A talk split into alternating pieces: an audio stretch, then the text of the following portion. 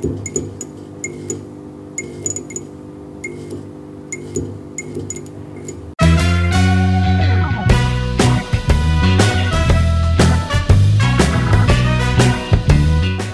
dan bumi yang baru yang yang ada di sini di mana uh, surga dan bumi itu bertemu gitu. Jadi bukan kita naik surga justru surga yang malah turun ke bumi. Jadi ada Hai semuanya, kenalin nama aku Rahel dan Timothy. Selamat datang di iPod, obrolan kebenaran tanpa deg-degan. Yes, dan di podcast kali ini kita akan sama-sama berdiskusi tentang kekristenan dan sharing juga tentang pengalaman hidup juga dong ya. Bener banget. Nah, jadi buat saudara-saudari yang punya pertanyaan, bisa banget nih tulis di kolom komentar atau DM ke Instagram at Manuel. Ya, terima kasih Rahel. Uh, kali ini kita nggak cuma berdua kan ya, Chan? Bener banget. Nah, kita bakalan ada satu narasumber lagi. Siapa sih narasumber kita kali ini? Gimana kalau kita suruh orangnya muncul aja sekarang? Boleh, Silahkan boleh. narasumber. Halo, halo. Halo. Halo. Hai, hai. Shalom. Ah, Rick, bisa kenalin dulu nih. Mungkin kan banyak yang belum kenal. Oke, shalom semuanya. Kenalin nama gue Rick Ruben, ex FEG. Maksudnya dulu pernah pelayanan di FEG dan berencana kembali kok. Sekarang domisili di Tangerang di BSD. Gerejanya di GKY BSD. Oke. Nah, Oke, sip. nah kali ini uh, kita udah nyiapin satu pertanyaan kan, Cel, buat narasumber kita tentunya. Yes, bener banget. Kita bisa langsung mulai aja kali ya. Jadi, Boleh. episode kali ini kita akan bahas tentang kenapa sih Tuhan menciptakan dunia ini kalau pada akhirnya akan dihancurkan. Gimana nih, Rick? Ya, gimana? Hmm, kalau menurut kalian gimana? Dunia akan dihancurkan nggak? Eh, menurut aku sih, iya sih dihancurkan ya, karena eh, ya menurut sudut pandang ilmiah gitu, eh, kayaknya juga ekosistem kita juga semakin parah kayak gitu, dan secara teoritis sih kayaknya bakalan hancur juga sama Enda. Jawabannya ilmiah ya Kalau- kalau Gundul. Kalau iya. Rahel gimana Kalau- Rahel? Dengan, gue setuju sih, soalnya kayak dengan atau dengan tidaknya Tuhan menghancurkan pun, manusia sendiri sudah menghancurkan dunia yang udah Tuhan ciptakan dengan baik ini, dengan kelakuan-kelakuan mereka. Bener gak sih? Mereka, kita sih sebenarnya. Kita kan juga manusia, nah. Iya. Eh, Kalau Rick gimana Rick? Kalau kalau Rahel kayaknya nada- nada-nadanya dari pengalaman hidup kayaknya menjawabnya itu dari. Lo, lo, lo, lo. Kalau Gundul dari ilmiah kan. iya iya, benar. Benar. gitu? Nah, kalau- gue dari. Alkitab dong, Azik. Wah, Boleh lah, boleh lah. Berarti kita nggak salah nih eh, ngundang narasumber kita kali ini. At least nggak akan sesat lah ya, harusnya. Tapi Silakan, ya, Rick. tapi kalau kalau mau baca ya di di Alkitab nggak tahu deh. Karena mungkin gue juga waktu ini ngomongnya gue atau saya atau bebas aja lah ya. Ya, bebas ya, boleh. boleh ya. Iya, iya. Kalau kalau gue dulu waktu kecil bacanya tuh eh apa dengernya ya kan nuansanya kayak dunia ini bakal kiamat gitu ya. Terus kayak nanti ada kayak nggak tahu deh kalau lu sempat nonton nggak tuh film 2012 tuh sempat booming banget kan zaman kita SMA generasi 95 pasti waktu SMA lah. Ya. Terus kayak rame banget. Tapi Rick, kalau misalnya film 2012, itu kan terakhirnya Hmm. bukan semuanya mati gitu kan? Masih ada sekelompok orang yang Masih hidup, ada kan? ya. Iya, iya. Iya, ya, tapi kan maksudnya gambarannya tuh kayak mengerikan lah, maksudnya kayak dunia ini kayak diputar balikin, kayak kayak kayak ada gambaran air bah lagi gitu loh. Ah, oke. Terus eh ya maksudnya kayak gambaran-gambaran kiamat.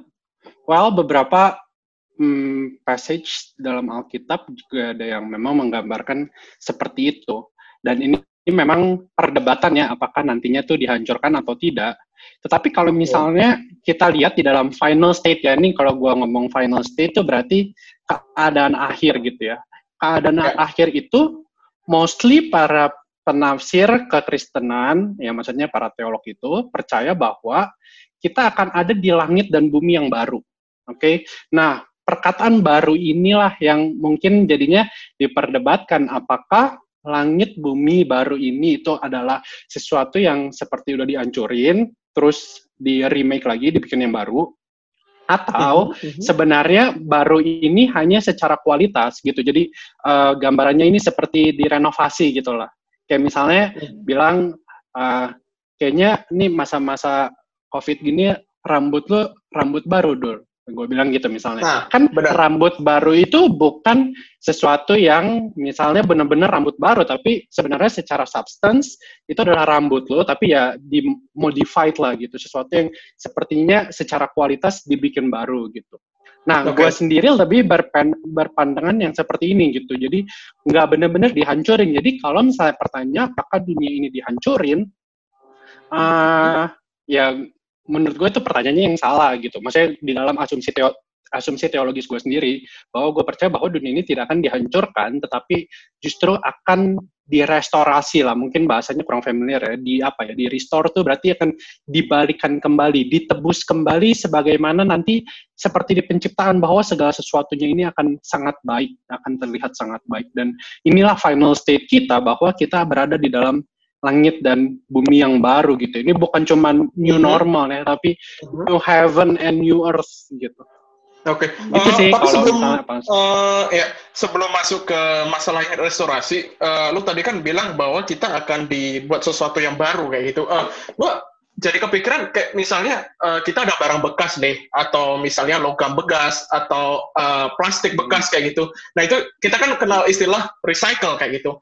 Apakah kita bisa memakai istilah recycle gitu di dalam proses pembaruan ini? Jadi substansinya tetap Hmm. sama, tetap plastik ataupun tetap logam, tapi diperbarui bentuknya dan menjadi sesuatu yang bermakna lagi. Ngerti nggak? Eh, kalau maksud- misalnya, eh, ya ya ya, ini kan maksudnya penggunaan kata aja ya, setuju juga dengan Iya. kata recycle atau enggak gitu ya. Oke. maksudnya ya, ya. Kalau secara Alkitab ya, secara Alkitab nggak ada, maksudnya nggak muncul kata recycle itu. Yang mengkonotasikan recycle juga nggak muncul. Jadi mungkin asumsi gua kurang kuat kata recycle itu, karena mungkin Ah, kata recycle itu mungkin masih banyak kayak apa ya? Mungkin masih banyak kesamaannya, mungkin nggak terlalu besar-besaran perubahannya. Kan kalau recycle kan sebenarnya ya Mhm. mungkin uh, barangnya itu seperti berganti fungsi, tetapi mungkin keadaan barangnya seperti itu gitu. Mungkin ya kalau misalnya mau pon pakai kata recycle atau misalnya mungkin beberapa daerah nggak punya banyak kosakata gitu, mereka cuman mungkin artinya recycle doang, bisa dibilang recycle yang besar-besaran lah, recycle yang masif gitu, sampai perubahan kualitas itu ya. Makanya dibilang bahwa nanti uh, gambaran tubuh kebangkitan kita ini kan punya tubuh kebangkitan nih. 1 Korintus Mhm, 15 tuh mhm. lagi jelasin tuh dari kebangkitan Yesus, terus masuk tuh ke kebangkitan tubuh, kebangkitan kita bahwa tubuh kita ini juga dibangkitkan. Nah, tubuh kebangkitan itu seperti apa? Itu nggak ada yang tahu, maksudnya gimana, Oke. seperti apa tubuh kebangkitan itu. Tetapi yang pasti ya tubuh yang yang perfected gitu, ya, yang sudah disempurnakan, tubuh yang nggak bisa mati lagi. Jadi lebih mungkin ya lebih daripada sekedar recycle, tapi renew, ya, renewal. Jadi benar-benar Oke. diperbaharui, tetapi tetap maksudnya gambarannya bukan Rick yang berbeda atau bukan substansi yang berbeda, tetapi tetap Mhm. orang yang sama gitu ya, tetap Rick yang sama yang nanti akan diberikan tubuh kebangkitan. Cuman biasa orang orang yang berargumen ya, yang misalnya yang punya pandangan ini biasa di against-nya tuh misalnya gimana dengan uh, orang yang misalnya meninggalnya jatuh dari pesawat yang kayak ke laut Mhm, gitu. mhm. Itu kan Ya, benar-benar ya, ya, ya. mungkin mayatnya udah hancur gitu loh. Ya, mayatnya ya. udah hancur Hmm. Ya. terus kayak udah udah berpuing-puing. Tapi Ya. ya menurut kita menurut gue ya kita sebagai orang beriman ya percaya aja bahwa ya Tuhan yang Maha Kuasa kita dari debu aja bisa jadi Adam bisa jadi manusia. Ya, Ya ya. demikian juga ya Tuhan mungkin bisa mungkin bisa ya compile lagi semua partikelnya atau uh, kita yang udah berceceran ya untuk yang korban-korban Mhm, itu ya untuk Ya, ya. mendapatkan tubuh keba- tubuh kebangkitan. Ya, ini uh, Oke. assuming aja gitu kan. Ya, ngerti ngerti maksudnya recycle. Kalau si Rahel gimana, Cuk? Eh, menurut Eh, Lu? aku sih jadi ada pertanyaan gini sih, kan dari tadi bilang bahwa buminya akan diperbaharui bukan dihancurkan. Tapi kenapa kalau kita baca Wahyu gitu, somehow digambarkannya seperti banyak malapetaka seakan-akan bumi itu akan dihancurkan. Misalnya dengan ada tujuh materai dan segala macamnya itu. Itu kenapa kok Ya. penggambarannya seakan-akan seperti itu? Kayaknya Rahel ini seneng baca Wahyu ya, udah nggak sabar mau Tuhan Yesus datang kembali ya. Kasih. Jadi kalau memang loh. kalau memang baca Wahyu ini ya um, banyak argumennya gitu. Maksudnya uh, ada yang misalnya percaya nanti uh, itu berjalan secara kronologis. Jadi misalnya nanti ada uh, Tuhan Yesus datang, eh sorry ada pengangkatan dulu, rapture. Kalian juga mungkin familiar dengan konsep rapture pengangkatan itu biasa suka ada di film-film atau tiba-tiba kita diangkat ngilang terus ada masa-masa penderitaan terus Tuhan Yesus datang terus mendirikan kerajaan seribu tahun itu juga ada di Wahyu 20 terus terakhir itu mhm. perang perang Armageddon. Nah, gambaran seperti misalnya tribulasi ya, eh, masa-masa tribulasi ini artinya penyiksaan ya, penderitaan ya. Masa-masa tribulasi, nanti masa-masa perang Armageddon, itu tuh memang gambarannya kayak kayak apa ya ya udah gambaran kiamat gitu gambaran kiamat. Hmm. well mungkin bagian-bagian ini kita bisa perdebatkan di dalam satu subtema khusus lagi ya bicara soal misalnya tentang penafsiran kitab wahyu atau apa. Tetapi regardless daripada setiap para penafsiran yang ada tetap ending state-nya itu di langit dan bumi ini gitu. Bukan langit bumi ini langit dan bumi yang baru yang yang ada di sini di mana uh, surga dan bumi itu bertemu gitu. Jadi bukan kita naik ke surga, justru surga yang malah turun ke bumi. Jadi ada gambaran langit dan bumi yang baru. Kalau kita misalnya baca di Wahyu 21, Wahyu 22 itu ada uh, gambaran langit bumi baru, terus Yerusalem baru. Itu benar-benar gambaran dunia dunia yang diperbaharui gitu yang sekarang. Nah okay. mungkin ya pertanyaan-pertanyaan kayak Rahel gini, uh, sebenarnya wajar ya muncul di asumsi kita karena gini loh, kita sering kali punya pemikiran bahwa yang pen, materi ini sifatnya agak agak jahat gitu. Maksudnya nanti kita ini yang penting roh, roh kita diselamatkan. Kita akan dibawa ke realem atau state yang berbeda lah dari bumi ini, dari bumi ini gitu, yaitu surga. Kita seperti tujuan kita tuh escape dari dunia ini. Makanya kita nanya, kalau mm-hmm. misalnya kamu diselamatkan, kamu yakin nggak masuk ke surga gitu? Seperti kita punya final state, mm-hmm. uh, final state-nya dunia ini akan hancur gitu dan nantinya ya udah yang penting gue masuk surga di dalam roh gitu. Nah, tapi kalau mau konsisten dengan lihat cerita Alkitab, misalnya ada tubuh kebangkitan, uh-huh. kita konsisten dengan penciptaan, bagaimana Tuhan menciptakan dunia ini, makanya menarik ya seorang teolog ya, namanya Hukema, Anthony Hukema, dia bilang, kalau justru nanti dunia ini dihancurin, benar-benar total dihancur ya, itu sepertinya iblis yang menang, setan yang menang, dan Allah yang hmm. kalah. Karena Allah ciptain, tujuannya di awal kan dia ciptain bumi. Tapi at the end malah dihancurin gitu loh. Padahal dia udah ciptakan segala sesuatu sungguh amat baik. Terus kayak, ya ini mungkin ya penafsiran juga. Terus buatnya for what gitu. Kalau udah Tuhan ciptain, terus at the end, terus dihancurin. Kenapa Tuhan nggak langsung ciptain kita aja? Kalau misalnya dia pengen surga di dalam roh ya, ya udah ciptain roh mhm. aja langsung. Roh aja langsung bisa bersama-sama. Ya. ya ini ini dari asumsinya dia ya. Tapi mm-hmm. menurut gue make sense juga. Tapi kenapa Tuhan ciptain hal-hal yang materi, hal-hal yang sifatnya kelihatan seperti ini yang sifatnya ya tubuh dan daging kita ini. Dan Tuhan menciptakan dan dikasih komen tuh sampai tujuh kali ya. Kata tough good itu ya sampai tujuh bilang tujuh kali dibilang sungguh amat baik. Dan ini menggambarkan ya bahwa Tuhan nggak hostile kok dengan hal-hal yang material. Tapi gimana justru dunia ini itu bisa jadi si John Calvin ya bilang bahwa ini adalah teater kemuliaan Allah gitu. Jadi hal-hal yang materi ini pun bisa dipakai untuk memuliakan Tuhan dan kita punya pengharapan bahwa suatu saat dunia ini meskipun ya gambaran penyucian dunia ini, nah itu juga boleh mungkin uh, nanti boleh kita diskusikan juga. Ya iya di 2 Petrus 3, maksudnya nanti kalau misalnya teman-teman yang mungkin ini mau baca lebih dalam, di 2 Petrus 3 itu juga gambarannya seperti Tuhan sucikan lagi gitu. Maksudnya mungkin bumi ini gambarannya mengerikan ya, tapi itu seperti gambaran apa ya, kalau di gambaran mungkin ada api gitu ya yang nantinya akan ini ke ya. dunia ya. kita, itu mungkin gambarannya seperti emas gitu loh. Emas mm -hmm. yang dipanasin, terus tar keluarnya tuh makin murni gitu loh, atau besi ngerti kan? Mm-hmm. Mm-hmm. Nah, yeah, yeah, nanti yeah. di New Heaven and New Earth yang lebih murni, di situ bahwa di situlah kayak benar-benar tranquility lah kayak apa kedamaian yang sejati kita tidak ada lagi ratap tangis di mana kita hanya ada kedamaian jadi benar-benar ya seperti kayak lagu himne ya bilang this is my father's world jadi dunia ini adalah uh, dunia bapak kita gitu ya bagus itu uh, Rick, uh, nyambung lagi ke uh, tadi kan uh, lu coba jelasin bahwa uh, bahwa bumi kita yang sekarang ini uh, akan lebih dimurnikan lagi, akan dikembalikan lagi pada mulanya uh, apa sih tujuan Allah gitu uh, menciptakan uh, langit dan bumi kita ini. Kalau uh, menurut pernyataan itu, uh, gue jadi kepikiran bahwa pada saatnya nanti Allah akan mengembalikan bumi ini seperti mulanya, yaitu ketika Allah menciptakan uh, bumi uh, secara khusus Taman Eden gitu misalnya, apakah uh, pada saatnya nanti situasi bumi kita akan kembali pada mulanya Allah menciptakan itu sendiri? Iya, justru mungkin rasanya gambaran gambaranku ya terhadap nanti langit dan bumi baru, ini kan nggak benar-benar didetailkan ya, meskipun nanti ada kayak nama-nama sungainya tuh muncul di Wahyu ya, tapi nggak digambarin secara detail, tapi ya gue rasa sedikit banyak kok rasanya mirip ya dengan gambaran Taman Eden gitu. Gambaran Taman Eden tuh maksudnya adalah gambar ya di mana ada ada material, di mana manusia itu bisa melayani Tuhan. Bukan gambaran seperti kita roh yang ngawang-ngawang terus nyanyi-nyanyi lagu uh, ini kita nyanyi lagu himne dengan para malaikat atau, atau mhm. misalnya gambaran-gambaran yang spiritual seperti itu tapi gambaran ya justru yang aku harapkan juga sebagai manusia gitu bahwa gambarannya ya nanti kita ada dalam tubuh kebangkitan. Nah, menarik di dalam Wahyu 21 itu, Wahyu 21 22 itu gambarannya memang bukan taman di sana dibilangnya kan kota ya, Yerusalem baru. Yerusalem itu buat orang-orang Yahudi itu tempat apa? tes nih, tes sekolah minggu. Yerusalem adalah tempat Allah. tempat bait Allah. Oke. Okay. Nah, bait Allah buat orang Yahudi itu di dalam teologi mereka bait Allah itu adalah tempat di mana itu ruang maha suci itu ya. Seperti ada Tuhan yang bersemayam di sana itu kan tabut perjanjian ya. Mm-hmm. jadi seperti surga dan bumi itu bersatu. Itu tuh di Yerusalem secara in particular di bait Allah nah ini nanti akan mendapatkan penggenapan yang secara sempurna di mana di Wahyu bahwa tidak lagi dibatasi di dalam bait Allah. Terus Yesus ngomong sendiri kan bahwa dia sendiri adalah bait Allah yang baru.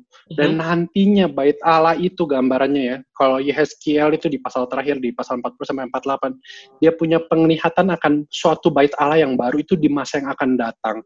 Itu seperti tentu gambarnya bukan bait Allah lagi, tapi kan di sana kita sudah mendapatkan apa presence Yesus yang sejati gitu loh. Kita udah yeah, bisa yeah. Allah bertemu dengan dunia secara kepenuhannya dengan manusia. Jadi memang gambaran eh, ini akan seperti di restorasi, tapi tidak full seperti taman. Saya rasa itu mungkin lebih kayak kota ya. Jadi kayak kota yang kota taman lah. Tim Keller tuh bilang itu sebagai kota taman. Jadi gambaran mm-hmm. Yerusalem baru terus nah, di gambarnya juga tetap ada kayak sungai-sungai gitu tuh di Wahyu itu menarik. Jadi kotanya yeah, yeah. itu pun asri lah, kayak Berlin gitu lah mungkin banyak Uduh, banyak aslinya mungkin.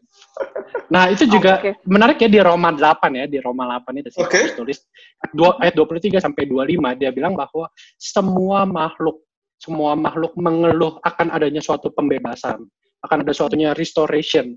Jadi bukan cuma manusia loh, even semua makhluk gitu. Jadi ini yang menunjukkan bahwa ya benar bahwa dunia ini suatu saat pasti akan di restore Hmm. Ya bukan gambaran yang dihancurin blast hilang gitu, tapi suatu gambaran yang ya Tuhan akan perbaharui. Tuhan mungkin kita buka Alkitab satu deh satu ayat ya, biar mungkin boleh boleh boleh boleh boleh. Ini Yesus sendiri mungkin yang ngomong. Ya benar deh Yesus yang ngomong di Matius 19 ayat 28.